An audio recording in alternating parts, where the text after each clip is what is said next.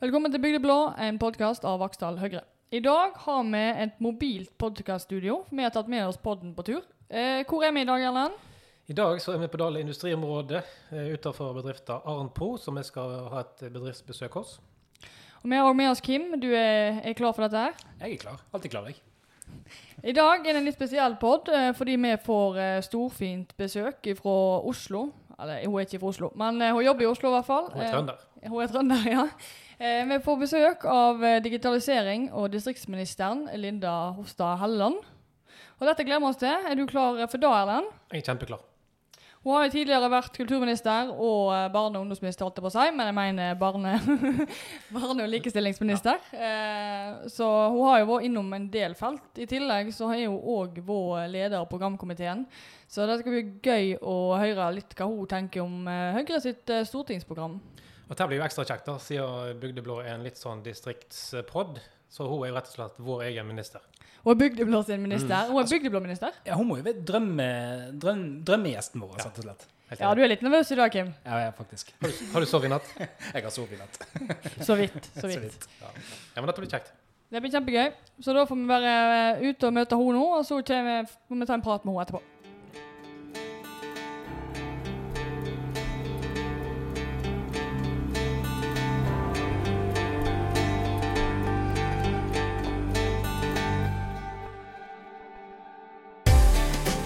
Har fått med oss eh, Linda i studio, og du har jo vært på Voss. Hva har du gjort der, Linda?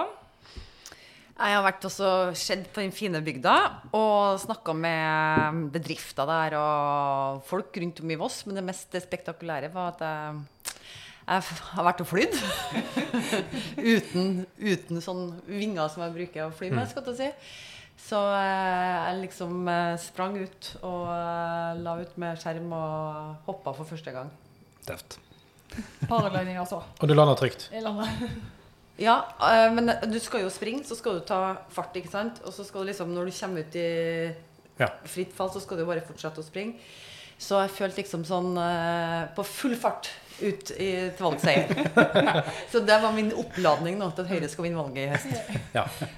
Litt halsbrekkende, men det, det gikk fint.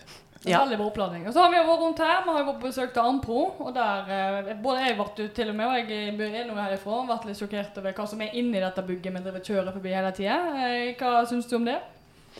Jeg syns det var veldig interessant, og det er alltid interessant å besøke bedrifter og høre hvordan de bidrar til verdiskaping, hvordan de eh, bidrar til vekst og utvikling i, i kommunen sin. Da. Det de bedriftene her som har over 30 ansatte, veldig mange lokalt ansatte, eh, og hva de bidrar med eh, til velferden for dere som bor her. Det, det å finansiere barnehager og skoler og sykehjem, eh, det må jo komme fra et sted. Ikke bare over rammeføringa fra staten, men også det er jo bedriftene her. Jobbene i privat sektor vi skal leve av. Så jeg ble skikkelig imponert. Også over at de klarer å levere produkter her nå og satse internasjonalt. Og klarer å være konkurransedyktige. Det syns jeg er imponerende. Ja, absolutt. Det syns jeg òg. Og det er jo litt Vi har jo en veldig stor andel av de som sysselsatt her, er jo, jobber jo kommunalt. Og det er veldig gøy når vi ikke bare har kommunale arbeidsplasser, men vi får òg i privat eh, sektor. Så det er jo kjempegøy når vi har en så stor andel som på en måte pendler ut fra kommunen. da. Vi er jo nesten på 50 Vi er over 50 Over faktisk. 50%. Du tar vi offshorearbeidere og sånne ting, Ja. så er det 52% som pendler ut av kommunen. Og det er jo det er ganske dramatisk, egentlig. Sånn. Men det som er veldig mm, gjør veldig inntrykk da, på meg som er fra Trøndelag, er jo de, det fantastiske landskapet med de fjellene, og i hvert fall på en dag som i dag, hvor det er knallblå himmel og strålende sol. Dere har det sikkert sånn hver dag ja, hele året. Alltid. Men jeg syns det er bare så utrolig vakkert der. Ja, altså Fjellene står jo der hver dag, men eh, akkurat, akkurat så fint vær er det ikke, ikke da.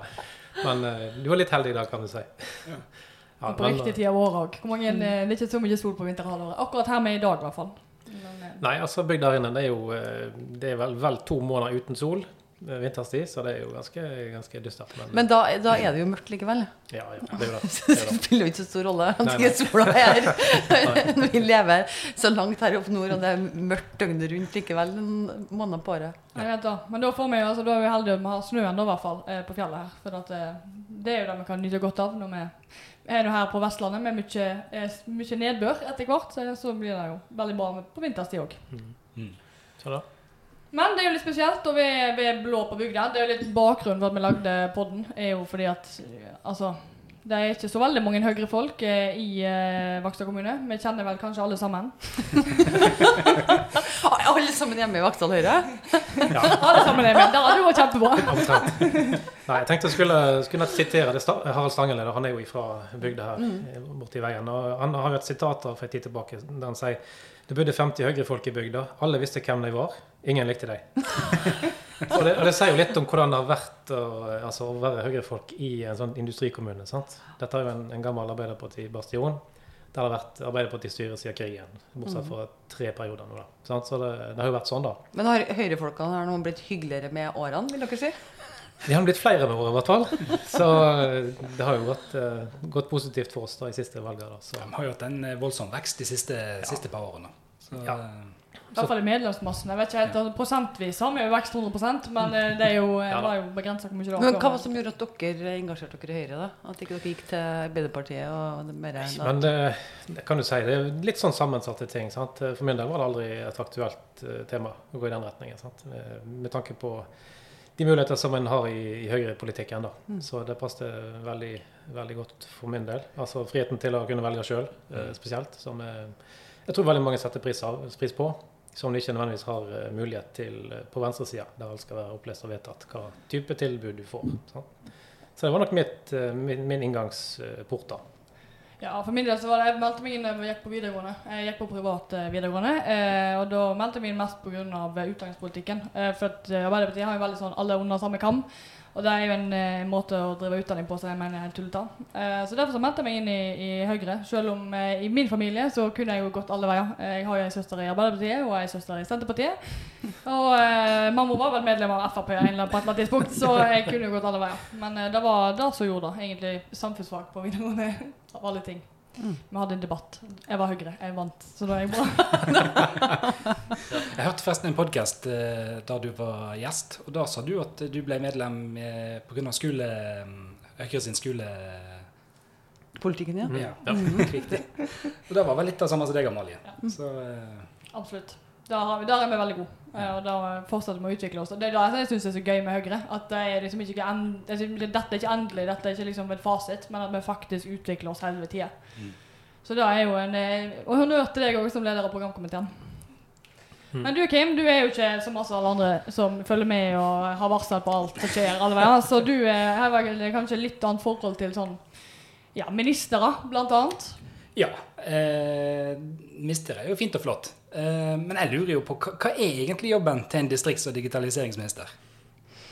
Ja, tenker du på porteføljen, eller tenker du på Ja, liksom, altså, hva er en vanlig dag hos deg? Det er ingen vanlig dag. eh, fordi eh, rett etter at jeg ble utnevnt til den posten her, så kom jo korona. Så det har vært bare uvanlige dager, egentlig. Eh, ganske mange kjedelige dager. Fordi regjeringa har jo drevet mest med å håndtere en pandemi, og det har vært bare forferdelig kjedelig. Ja. Fordi du føler ikke at det, det er en håndtering. Du gjør ikke noe som bidrar til utvikling, og det som du egentlig ønsker å gjøre når du har innflytelse i norsk politikk, så ønsker du å få til endring. Og bidra til at folk skal få det bedre.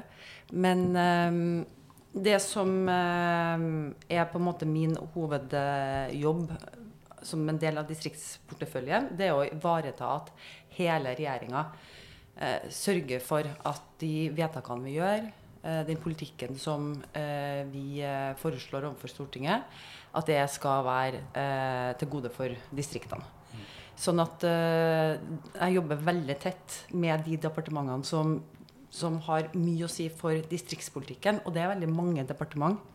Og da er jeg inne i sakene deres eh, og kommer med merknader hvis de fremmer saker i regjering hvor jeg mener at det her kan ikke regjeringa gjøre. For at jeg skjønner at den statsråden syns at det er smart for sin sektor. Eh, men det får uheldig utslag for distriktspolitikken, så det kan ikke vi gjøre. For alle sitter jo bare og tenker Sitt. på sin sektor. Det gjør man i lokalpolitikken, og det gjør man fylkespolitikken, Mm, og regjeringa gjør det. Og så må da sitte jeg og kjefte og smelle litt da, på dere som stakkars kollegaene mine og si at det her det går faktisk ikke. Vi kan ikke gjøre det sånn, så tar vi og diskuterer det i regjeringen, da. Så um, vi, vi ser jo at uh, altså, Høyre er jo veldig opptatt av at det er jo en bredde i distriktspolitikken som vil gi resultater. Eh, mens noen av våre motstandere har en veldig sånn snever tilnærming til at det, liksom, det er regionale utviklingstilskudd, det er støttehjul, det er, det er statlig subsidiering som skal gi vekst i distriktene. Så mener vi det, er- det å snu det helt rundt, nemlig at det handler om å legge til rette for jobber. Så det er næringspolitikk. Det er god samferdselspolitikk. eh, Fiskeripolitikk, landbrukspolitikk. Altså det, det er så mye som henger sammen med å skape vekst. Så derfor så har vi jo nå Har jeg jobba et år med å legge, en, legge frem en fornya distriktspolitikk for regjeringa. Og det har vært et veldig spennende arbeid. For det liksom for første gang så har man laga tre helt egne strategier for ulike deler av landet. Eh, fordi vi ser at Norge er ulikt, og det er ulike muligheter som vi må gripe for å skape den veksten. Eh, og det å få på en måte vår historie mellom to permer om hva er egentlig distriktspolitikken, Ja. det er ganske Det har vært ganske lærerikt og eh, interessant arbeid. Og så har du hele digitaliseringsporteføljen. Og det er jo alt fra høyhastighetsbredbånd. Nå har vi jo satt oss nye mål som vi har vedtatt. At alle virksomheter i Norge skal ha bredbånd, høyhastighetsbredbånd innen 2025. Vi ruller ut ikke sant, 5G nå. Men så skjer det jo utrolig mye på digitaliseringsfeltet knytta til eh, En ting er hvordan folk er blitt avhengig av å leve mer digitale liv. Men arbeidsplassene som skapes av digitalisering, hvordan data skal brukes som ressurs, hvordan vi skal utvikle nye næringer, nye bransjer ut av data og digitalisering. Og det er jo et veldig sånn innovativt og spennende arbeid. Ja, det er jo et stort felt. det er jo det. Men i forhold til digitalisering og under pandemien nå, det har vært litt spesielt. Eh, føler du at vi har kommet styrka ut av digitalisering under pandemien? Ja, i aller høyeste grad. Fordi eh, Norge hadde jo aldri greid seg så godt hvis ikke vi hadde investert så mye i våre fellesløsninger, altså felleskomponenter med min ID og, og alt det vi driver og logger oss inn på hver dag. ikke sant? Eh, Det hadde jo ikke vi greid, greid oss uten. Eh, F.eks. når vi fikk på plass kompensasjonsordninga i løpet av noen uker, så var det for at vi hadde investert i mange år i gode fellesløsninger. Eh, og veldig mange andre land har ikke det, ikke i nærheten av det. Eh, så det fikk vi igjen for. Men så er kanskje det mest interessante er jo hvordan holdningene våre har endra seg digitalisering. For, for bare tre år siden så trodde jeg du kunne gått til sjefen din og sagt at ja, eksempel, nå er jeg i en småbarnsfase. Jeg ønsker å ta det litt roligere på morgenen og ettermiddagen med henting og levere i barnehagen. Kan ikke vi si det sånn at jeg sitter hjemme tre dager i uka, eller to dager i uka, og så jeg, kommer jeg på kontoret eller to dager. Da, da hadde jo trodd at du bare skulle ta Noval Viken, ikke sant? Du var bare lat. Men nå ser jo sjefen at du, du kan jo levere. Selv om du sitter hjemme. Du, kanskje er du enda mer effektiv.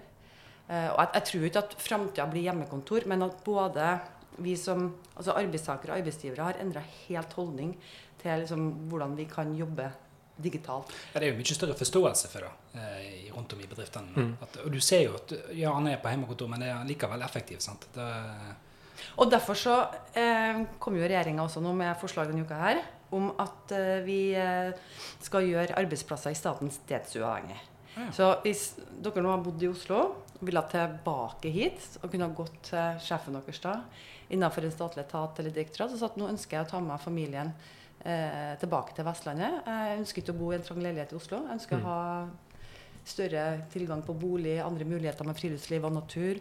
Eh, og da må jeg få lov til å jobbe stedsuavhengig, men som et del av et arbeidsfellesskap. Vi ønsker ikke at flest mulig skal sitte på, på arbeidskontor, men eh, da er det viktig at kommunen her ser på hvordan kan vi lage et, en sånn en distriktshub, et arbeidsfellesskap her, gjerne med statlige arbeidsplasser og private arbeidsplasser sammen, sånn at du kan hente synergier ut av det. Sånn. Det at du har noen å drikke kaffe med, Ja, ja. i stedet bare for å sitte alene hele dagen. ja, det er viktig. Den sosiale biten er, skal ikke undervurderes. Men det, her er, men det her er liksom en sånn game changer i distriktspolitikken. altså. Ja. Så nå må, nå må kommunene, distriktskommunene bare hive seg rundt og tenke ok, hvordan skal vi få de beste folkene hit. De smarteste, høyest utdanna, som har lyst til å drive med friluftsliv, gå på ski, eh, ut på sjøen altså, som ønsker seg noe annet enn bylivet. Ja. Vi må ta imot dem med åpne armer. Så det å gå i gang nå i kommunestyret, så er dere nødt til å foreslå Vi skal lage den beste eh, kontorfellesskapet, arbeidshuben her, eh, for stedsuavhengige arbeidsplasser. Men det der har vi faktisk Stille. allerede begynt å se på. Eh, ikke i kommunestyret ennå, men i, i næringsselskapet. Jeg sitter i styret der. Eh, og det er en av de tingene som jeg ønsker liksom, å, å satse på neste år. Legge, ønsker penger til for kommunestyret, så da må vi jo eh, diskutere med opposisjonen. Men dette med å lage det her eh, kontorene, som, eller huben, eller ja, hva jeg kaller det, men i hvert fall arbeidsplasser eh, som en kan sitte og arbeide på. Eh, Kanskje ikke hver dag, men at en kan være der på hjemmekontor. Om du er student, eller om du er i arbeid, eller ja. Og det må begynne en plass, og så, og så kan det da bli veldig bra. Så da har jeg, jeg vel veldig tro på det. Jeg studerer jo sjøl i, i Bergen. Eh, og jeg ser alle disse kontorene som nå popper opp alle veier, der du måtte legge en plass eller har ja. Mm. Og det er jo, er jo kjempebra at en kan på en måte få en mer fleksibilitet eh, rundt det. da. Men det er veldig altså akkurat den her Hva er distriktspolitikk? Nå svarte du på det, så jeg, for jeg hadde tenkt å spørre deg om hva liksom, da er for deg. fordi det er sånn som du, Hvis du ser på valgomaten til NRK, eller, eller måten folk snakker om distriktspolitikk, så er det veldig som du sier, snevert. Og det er veldig sånn, det er Nordlandsbanen, det er distriktspolitikk, eller E39. Eh, jeg syns det er veldig spesielt når vi egentlig driver med alt innen distriktspolitikk. Så det må jo være veldig utfordrende på en måte post å ha når du egentlig er involvert i alle departement. Bare så for KMD Ikke, ikke Bistandsdepartementet. Så det slipper jeg. Men, men, men det er jo veldig det, er jo, Jeg mener jo at det er helt riktig eh, at eh, man involverer departementene og ansvarliggjør alle statsråder for at man har eh, en distriktsportefølje. Altså, for det som er viktig for Norge, og viktig for distriktene også. Og jeg begynner å bli ganske fed up av at distriktene alltid skal fremheves liksom, som at man står med lua i handa. Og at uh, de som liksom bor rundt om distriktene, ikke er like bra som Mm. de i byene. Altså Folk i byene setter pris på bygdene og distriktene våre. Folk i byene de er veldig glad for at, og ser at sant, vi er avhengige av hverandre. Veldig mye av jobbene kommer i distriktet, for at her er naturressursene er. Det distriktene trenger, er jo kompetanse. Vi må ha folkene, for jobbene kommer til å komme hit. Og da må vi jo legge til rette for det. Og det er derfor digitalisering henger så nøye sammen med distrikt. For du må ha høyhastighetsbredbånd. Du må ha muligheten til å kunne jobbe fra hvor som helst. Og, og jobbene kommer til å komme ut der. Og, da, og det, det å på en måte da bare eh, eh, gjøre distriktspolitikk til et spørsmål om eh, sentralisering. Altså, det, det blir så feil, for sentralisering har skjedd liksom i, siden 60-70-tallet, og det skjer over hele verden. Eh, det er ikke liksom noe quick fix, det. Det, skjedde, det var like mye sentralisering når Senterpartiet satt i regjering. Mm, ja. Og hvis vi ser på hva Senterpartiet nå, som sitter med makta i fylkeskommunene rundt om i fylkene i Norge, gjør, de sentraliserer jo fra distriktene og bygdene på sentralitetsnivå 5 og 6 inn mot regionhovedstadene. Så, så, så det, det, sånn, hvis du begynner å skrape litt i lakken på eh, den grønne Senterpartifargen, så ser det så bra ut. eh, eh, når, når du begynner liksom å se på hva de, hva de egentlig har gjort. Og du ser at flere flytta til storbyene når Senterpartiet satt i regjering. Og hva er deres svar, da? Når Høyre så sier vi at vi er kjempeoptimistiske på distriktene sine vegne. Og eh, distriktene føler en veldig stolthet. Bygdene føler en stolthet over sin identitet, sin historie, de gode lokalsamfunnene og hva de ønsker å få til. Hvis de får lov. Hvis de kan få mulighet til å bestemme litt mer lokalt. Hvis de har mulighet til å legge til rette for flere arbeidsplasser. Mens du hører Senterpartiet, det er reversering, det er kutt, det er brems, det er stopp. Og det siste nå som kommer derifra, er at de skal gå til valg på en storstilt byråkratireform som kommer til å koste milliarder av kroner. Hvor de skal etablere egne byråkratikontorer i hver kommune i Norge. Der du skal gå til kontoret, og så skal du få utført liksom hvilken tjeneste du vil. Polititjenester, Lånekassen, Skatteetaten, Vegvesenet. Du skal staffe opp med ganske mye folk hvis du skal sitte og saksbehandler det der. Og det skal vi bruke skattebetalernes penger på. Så for Digitaliseringa har jo bidratt til at vi har fått en sånn det er en desentraliseringsreform. Før måtte du reise til trafikkontoret hvis du skulle omregistrere bilen din. Du måtte reise til Nav og stå i kø hvis du skulle søke om foreldrepermisjon. Nå har vi flytta kontoret hjem til deg. Du sitter foran PC-en din, så fikser du det sjøl. Du trenger ikke et offentlig kontor. Vi må jo bruke penger på å bedre tjenester. Ja. Så det er, altså, det er så feil politikk for distriktene. Og så uh, skal Trygve og Senterpartiet ha kred for at de har vært veldig uh, flinke på å snakke distriktenes sak, men det er helt feil medisin, og det er ikke det distriktene trenger. Men jeg ser, jeg ser jo da bare nå, jeg ble jo permittert en liten periode der eh, under pandemien. Og hvor enkelt det var. sant? Inn på Nav, logge inn, sant? registrere meg. Altså, det, det skjer så fort. Jeg slapp å ut og stå i kø på et kontor sant? Med, nesten med lua i hånda. sant? Det og det er jo digitaliseringen sant? og framgangen. Ja, og det det, det er desentralisering, ikke sentralisering. Å svare liksom er mer kontorer, mer byråkrater, reversering. Det, jeg håper virkelig ikke at eh, vi får en regjering hvor Senterpartiet skal styre distriktspolitikken. Det er veldig, veldig synd. Du må jo kanskje svare på hva distriktspolitikken deres egentlig er, da, utenom å eh, åpne opp igjen politikontor. Eh, vi har jo, hadde jo politikontor her før. Eh, jeg tror helt ærlig ingen har merka noe forskjell på at det ikke er politikontor her lenger. Nei, og de skal jo bare åpne da lensmannskontor som skal ha åpent eh, en eller to ganger i uka. Et par timer på formiddagen når alle er på jobb. Og mellom tolv og to så er det ikke det da mest eh, kriminalitet skjer. Nei, nei. Nei, men, og her lokalt så ser vi jo mer politi nå enn vi gjorde før. Før satt de jo, satt jo stort sett oppe på kontoret. sant? Det var politiskilt. Det var det, var det som var der. Men nå, nå kommer det jo biler rundt om her, sant? og de er synlige ute i felten. sant? Men de, de spiller jo på en del følelser, ikke sant? Og det, um, og det, det gjør også meg litt bekymra, for de setter opp, folk opp mot hverandre. Og det, eh, det er litt dumt, for at det er absolutt det vi ikke trenger. Og så spiller det litt på frykt. Ja, det er jo trygghet, sant? Så vi Ja. spiller inn som et eh, Jo, men argument liksom sånn ja, det at, ikke noe, at det er politi ut Jo, det er politi ut. Det er politi på veiene. Men vi må også ha politi som kan sitte foran eh, de digitale plattformene. For det er der kriminaliteten skjer. Det er en økning på overgrep mot barn på nettet ikke sant, på over 100 Det er dramatisk. Vi må ha et politi som har kunnskap og innsikt til å bekjempe den kriminaliteten. Og som mamma så er ikke jeg går ikke jeg rundt og frykter at det er liksom sykkelen til ungene mine som blir stjålet. Jeg frykter at deres identitet, at de blir utsatt for, for, for angrep på nettet. Det er det jeg frykter. Og da vil jeg ha et politi som er i stand til å, til å bekjempe det. Men nå sier vi jo også i den distriktsstrategien vi har lagt frem, at nå skal vi på en måte styrke politiressursene på de geografiske enhetene ute i distriktene. Det er veldig viktig. Vi har brukt mye ressurser på å styrke Kripos og Økokrim og de tingene der. Men vi skal ha eh, tilgjengelig og synlig og et politi som er i stand til å rykke ut når hendelser skjer.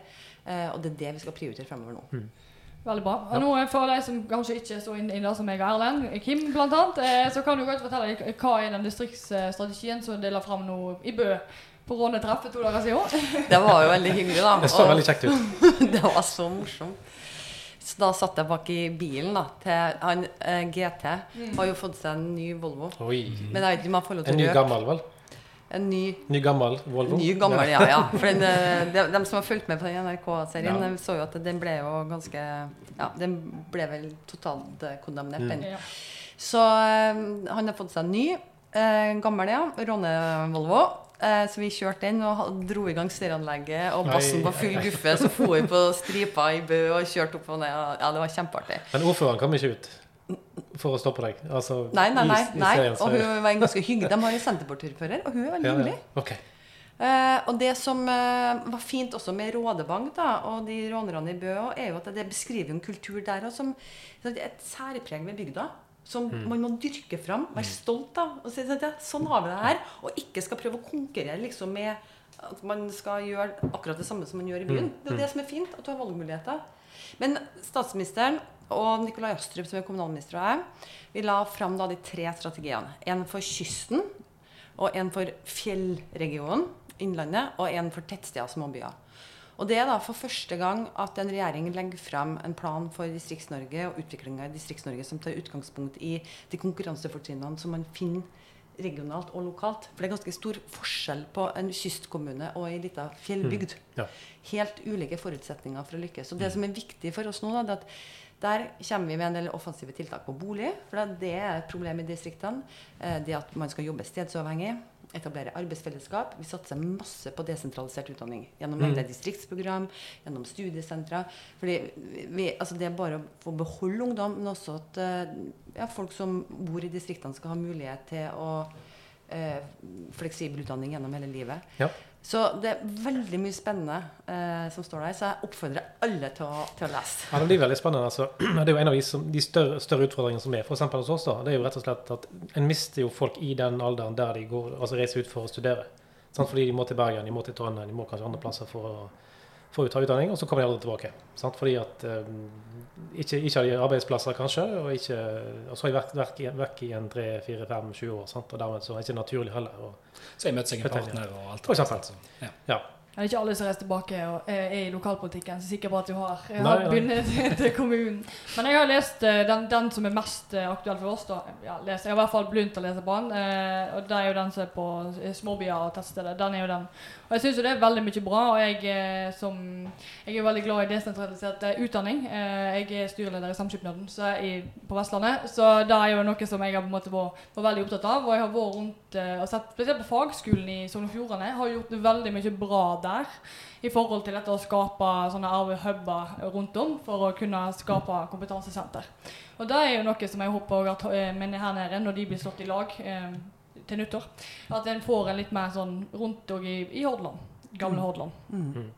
Så det, det syns jeg er kjempeviktig, og spesielt eh, for oss. Vi ser jo da vi mangler kompetanse eh, innenfor flere felt. Eh, og dette med å øke praksisfokus det er jo noe som vi har vært veldig opptatt av her, at kommunen skal ha mer samarbeid med, med høyere utdanning, sånn at vi får mer inn i praksis, og folk ser faktisk mulighetene her. For vi er jo ikke langt ifra Bergen, men hvis du ser det på finn.no når du skal søke jobb, så ser du kanskje ut som det er veldig langt vekke. sant? Mm. Så det er noe med den biten der som jeg er veldig, veldig glad i. Og så er jo den utfordringen som jeg ser som ung, da, for å komme tilbake til Vaksdal, er jo noe med disse tilbudene. Altså kulturtilbud og andre tilbud som kanskje en ikke har her. I Bergen sentrum så har en alt, og alt er veldig enkelt og lett tilgjengelig.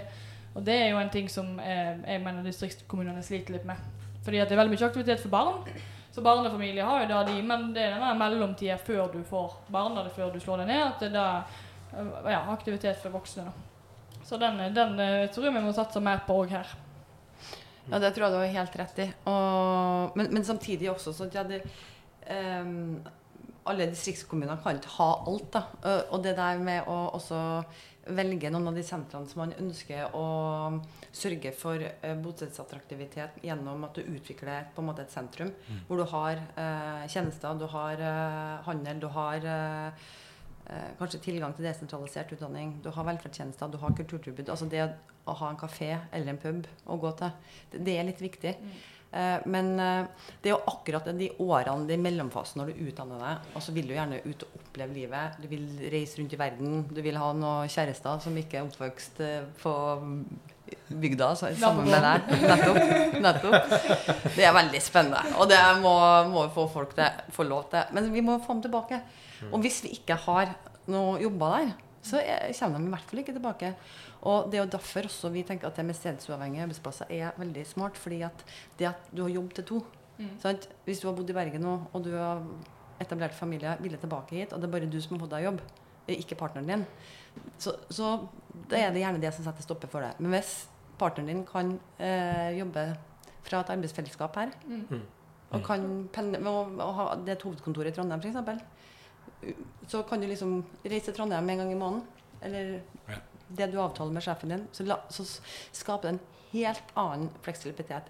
Så jeg tror at det her er så bra for distriktene at det her er virkelig en sånn helt ny dynamikk. Ja. Eh, som betyr at, eh, fordi at arbeidslivet vårt og det som har skjedd under pandemien og med digitalisering nå, så har vi helt andre måter vi kan jobbe på.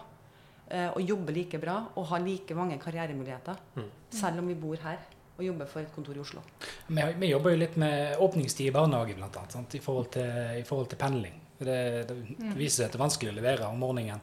Ta toget til Bergen, gå på jobb i åtte timer, ta toget hjem igjen, og så skal rekke barnehagen igjen. Sant? At, eh, at, eh, så det gikk jo vi litt til valg på. Jeg, det jeg spesielt likte med han, er at han er veldig helhetlig. Høyre blir jo ofte litt sånn Ja, det er bare arbeidsplasser de er opptatt av, og næring, det er ingenting annet. Men denne strategien her er mer, mye mer helhetlig eh, enn det som en kanskje ja, tenker at Høyre er, da. Ja, for det handler jo også om beredskap. At eh, vi må, og der har vi jo eh, bygd ut uh, altså voldsomt på, på mange områder. Men vi, vi omtaler også sånn som det med uh, økninga i antall jordmødre, det med jordmorberedskap, det med følgetjeneste hvis du bor uh, over en og en halv time fra fødestedet, det med at politiet skal nå utvikle mobile tjenester i, i større grad, det med å legge til rette for at kommunene skal få et investeringstilskudd fra Husbanken for å bygge trygghetsboliger for eldre. Og det sendte vi ut på høring nå for to dager siden.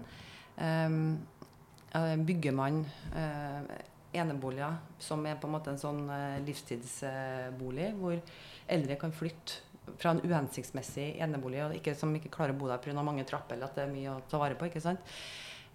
Så, så kan kommunen få tilskudd til å bygge dem så, i nærheten av hverandre. Nærheten til service og tjeneste, så de kan gå til butikken og handle sjøl.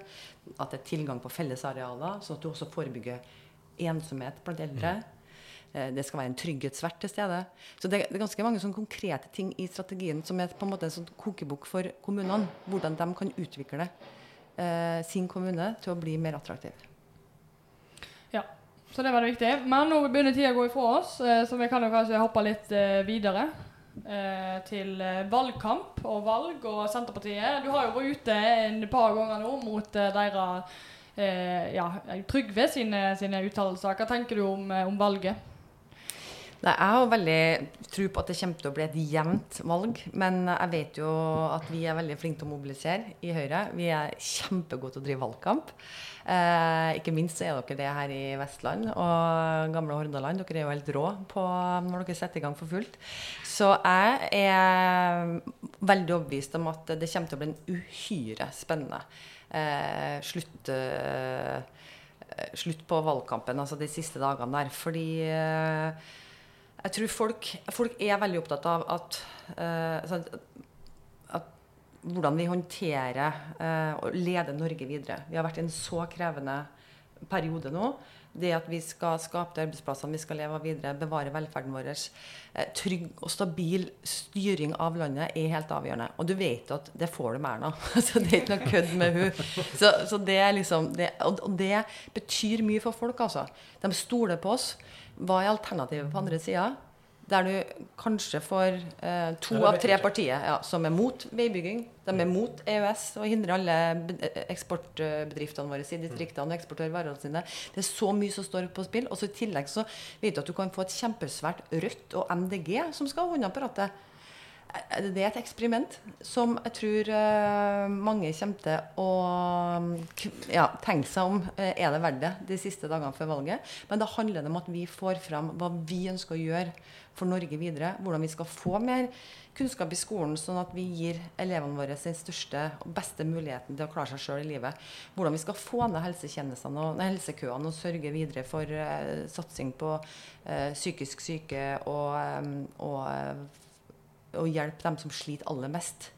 Eh, og ikke minst det å skape jobbene og sikre velferden. Det er jo det valget her kommer til å handle om. Og da, da mener jeg at vi har en utrolig eh, god politikk som vi skal stille til valg på. Og da er det bare jobbe nå og få det ut. Ja. Ja, Er du overbevist, Kim, du som er mann i gata? Jeg er overbevist. Ja, det er vår nummer én eh, salgsmann, det er Kim. Han eh, sa til oss Jeg vet ikke hva jeg kan bidra med, men jeg er med på dørbank så lenge jeg får lov å selge noe. Så var Dørbank han, er eh, gøy. Så han var han som solgte oss da når vi hadde kommunevalget for to år siden. Så han, han er klar så lenge vi får lov å gå ut og eh, La oss håpe det, da. ja. Mm. Ja, Det nærmer seg veldig tid der vi kan ut og prate med folk litt mer i, i felten òg, da. Så det blir bra. Sånn, Mm. Det er greit nok med postkasseaksjoner og sånne ting, men eh, det blir liksom ikke så, så mye action.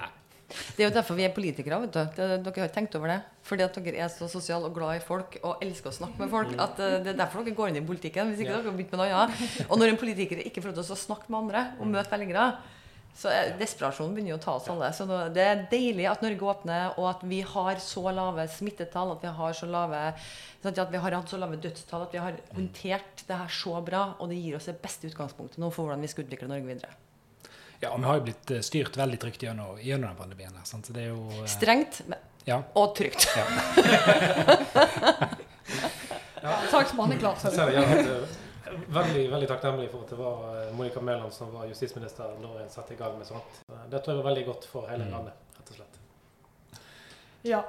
Men da eh, skal vi vel kanskje snart eh, runde av, eh, for at eh, din eh, timeplan er òg litt eh, tight. Men vi kan jo avslutte med om det blir, blir det sommerferie, eller blir det Granka, eller blir det va- valgkamp? er vel spørsmålet. Du, det blir ferie i Distrikts-Norge. En distriktsminister kan jo ikke gjøre noe annet. Så eh, her blir det også kjøre land og strand rundt og eh, ha litt ferie og prate litt med folk og lade opp til valgkamp. og det gleder jeg meg veldig til. Antwerp kan sikkert sette opp ei sånn sovebrakke til deg hvis du skal innom her. Jeg lurte på om jeg kunne få lov til å og så leie meg en sånn en og så kjøre rundt. Men ja, jeg har ikke mer på min, min liste nå. Jeg er fornøyd, um, egentlig. Er du fornøyd? Vi mangler én ting, da. Eh, og da, Nå drikker du jo faktisk av veien, men du skal få med deg en sånn skikkelig Gjør jeg? Ja, ja, det er Med sånn, de fine bildene dere på. Ja. Det var så lekker, da. så alle som gjester oss, de får en sånn bygdeblå-kopp. Noen har fått det før de var gjest, men eh, de er på- påtvungen gjest etterpå. Den her skal jeg ha med meg, og så skal jeg få stå på kontoret. Ja, så. Kult. det er veldig eksklusiv. Det gikk med. Har du noen siste ord, Ellen? Nei, jeg er glad for det. Tusen takk for uh, at du ville bruke en halvtime med oss Takk for at her jeg i fikk komme. i mobilstudio. Veldig kjekt. Det var veldig hyggelig. Veldig sånn hjemmekoselig her. Veldig bra. Så får du ha god tur videre. Takk for det. Takk for det. Takk for oss.